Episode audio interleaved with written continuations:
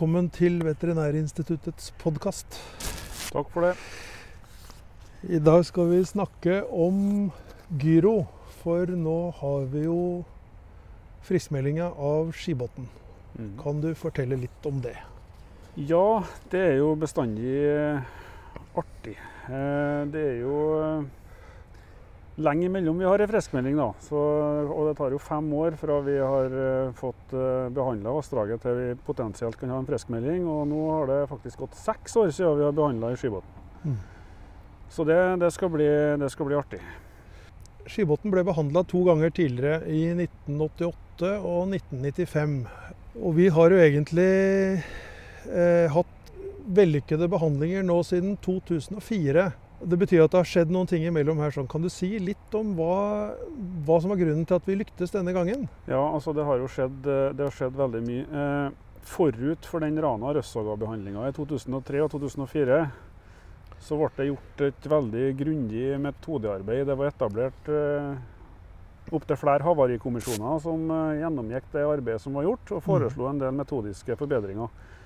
Jeg vil egentlig peke på to enkle ting som som jeg tror har vært viktig for at vi har klart å lyktes i samtlige behandlinger etterpå. og Det var det at vi fikk lov til å bruke så mye rotenon som vi ønska, og at vi eh, gjennomførte behandlinga to påfølgende år.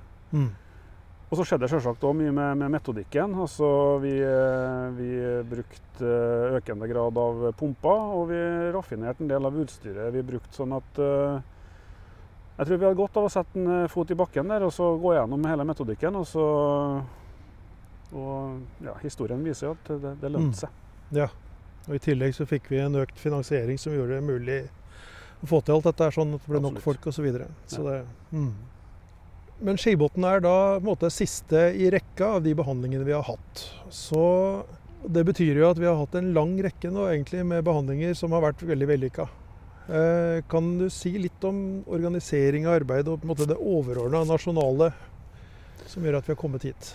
Ja, vi har jo på en måte etablert en struktur da, som, eh, som eh, er felles for alle de smitteregionene vi har jobba i. Vi har jo ei, nasjonal kompetansegruppe. Eh, men kanskje enda viktigere er etableringa av de regionale kompetansegruppene som vi har. Eh, de er veldig sånn likt organisert fra region til region. Det er, det er jo direktoratet som er oppdragsgiver. Og så er det som regel da statsforvalterne eller fylkesmenn som er tiltakshaver, eh, som er representert i de gruppene, sammen med Mattilsynet. Ofte en lokal koordinator. Og så har Veterinærinstituttet da eh, sekretariatet og fungerer som sekretær. I tillegg så har vi òg for vane å trekke inn eh, ulike referansepersoner på enkelte av de, av de møtene. Så vi har en sånn en struktur der alle forvaltningsorgan er representert, dvs. Si at vi er beslutningsdyktige. Og trekker på erfaringer fra andre smitteregioner. Så det er en sånn veldig fin og gunstig organisering som sånn, gjør at vi kan jobbe godt og effektivt.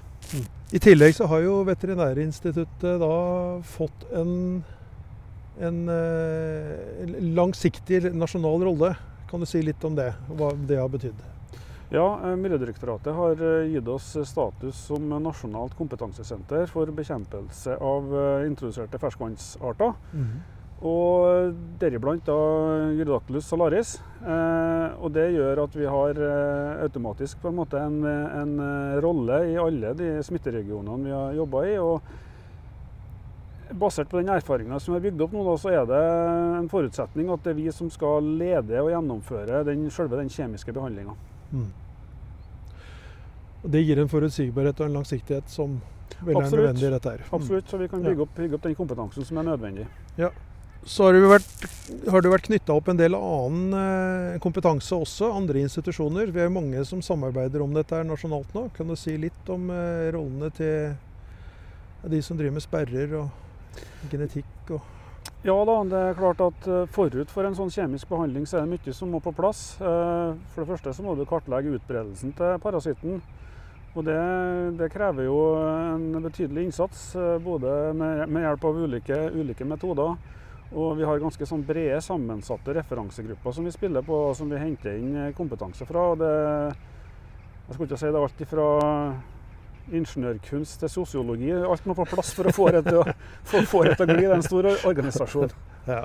Og ikke minst da de lokale. Vi er nødt til vi er nødt til å ha engasjerte lokale. Eh, Så Jeger- og fiskeforeninger, andre berørte oppsittere. eh, Ja, det er vi avhengig av. Nå er jo denne friskmeldingen da i Skibotn et eh, resultat av eh, mange års- arbeid, og vi har hatt en lang suksesshistorie egentlig. Eh, kan du si litt om det? Hvor står vi nå nasjonalt? Statusen er i ferd med å bli veldig god. Vi har eh, friskmeldt 43 vassdrag. Og vi har åtte vassdrag som gjenstår, fordelt på, på to regioner. Eh, Vi har fire vassdrag i, i Driva-regionen. Og Der har vi allerede behandla ett år, og så skal vi behandle til neste år. Og så gjenstår da siste region, da, som er Drammensregionen, med, med fire smitta vassdrag. Men nå bruker vi ikke bare rotenon lenger. Kan Neida. du si litt om det?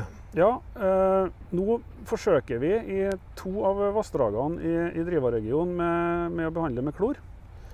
Eh, og bakgrunnen for det er i stor grad eh, Drammensvassdraget. Der har vi en utfordring i, i Drammenselva og for så vidt òg i Sandelva og Lierelva. Det er et veldig artsrikt samfunn. Det er over 20 fiskearter der. Og det er krevende å ta vare på dem på en god metode, og da, på en- god måte. Og da seiler klor opp som en veldig god kandidat til å kunne behandle de her vassdragene uten å ta livet av fisk. Mm. For eh, klormetoden den baserer seg på at vi fjerner parasitten uten å ta livet av fisken. Mm. Så eh, vi håper virkelig at, eh, at de lovende resultatene her fortsetter, sånn at vi kan, eh, kan implementere den metoden for fullt når vi kommer til, til Drammen. Mm. Vil du si at det er lettere å lykkes med klor? Nei, jeg syns ikke vi har grunnlag for å si det. Altså, vi, har, vi har etablert eh, en metode basert på rotenon som, eh, som, eh, ja, som du nevnte innledningsvis. Vi har ikke mislyktes med siden 2003-2004. Gjennomprøvd, mens klormetoden er ny. Mm. Så sånn rent teknisk så vil jeg nok si det ennå at vi har størst sjanse til å lykkes med å fjerne parasitten med å bruke rotenon. Men samtidig så har vi noe å vinne på å bruke klor. Dvs. Si at vi kan behandle uten å ta livet av fisk. Ja. Eh, så hva er da planene videre nå?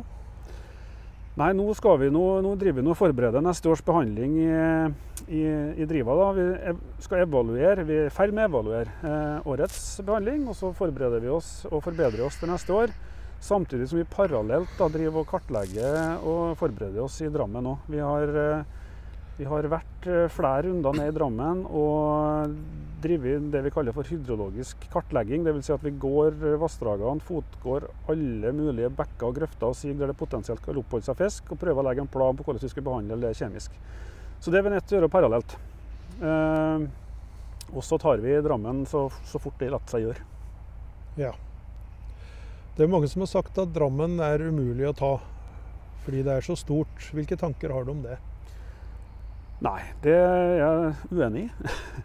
altså Drammen, det er en del utfordringer der. Eh, det at elva er stor, dvs. Si vannrik, det i seg sjøl behøver ikke å altså Det i seg sjøl er ikke noen, eh, noen eh, spesiell utfordring. Det som ofte kan være utfordrende, det er perifere områder som er vanskelig å behandle. Det kan være at det er fryktelig mye bekker. Mm. Det har vi for så vidt, om ikke i Drammen, så har vi det i Lier og i, i, i Sande. Det kan være grunnvannsproblematikk, oppkommer. Det har vi hatt veldig store utfordringer med i Skibåten, og delvis også i Rauma. Det har vi vist at vi kan lykkes med. Eh, og så har du jo kanskje den største forskjellen i Drammen, vil jeg si, det at den renner gjennom en stor by. Så vi er nødt til å etablere en god metodikk for å ta, for å ta det ledningsnettet som leder ut i elva, og der det potensielt kan være fisk. Der er vi i ferd med å innlede et samarbeid med de aktuelle kommunene. og det, det tror jeg vi skulle klare å få til en god plan på. Og så har du selvsagt da Drammensfjorden, Mm. som eh, representerer en utfordring som vi har begynt å kikke litt på. Det, enkelte perioder på året så er vi i stand til å finne eh, laksesmolt i, i deler av Drammensfjorden som er infisert, men i, i forholdsvis liten grad.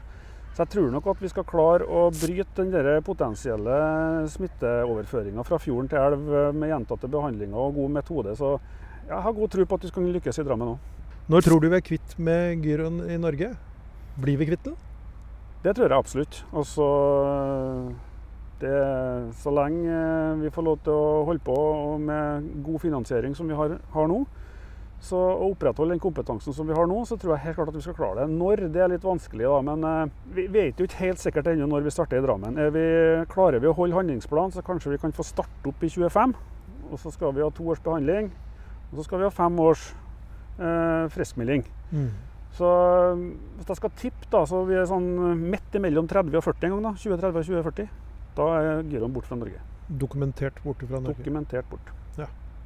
Og så er det fortsatt litt reetablering etter det igjen. Det er det. Det er et langsiktig prosjekt. Ja, absolutt. Vi har holdt på siden ja, Veterinærinstituttet og denne gruppa har holdt på siden 1996. Ja. Det er en stund. Ja, det er en stund. Lykke til. Det blir spennende å følge dere videre. Takk for det.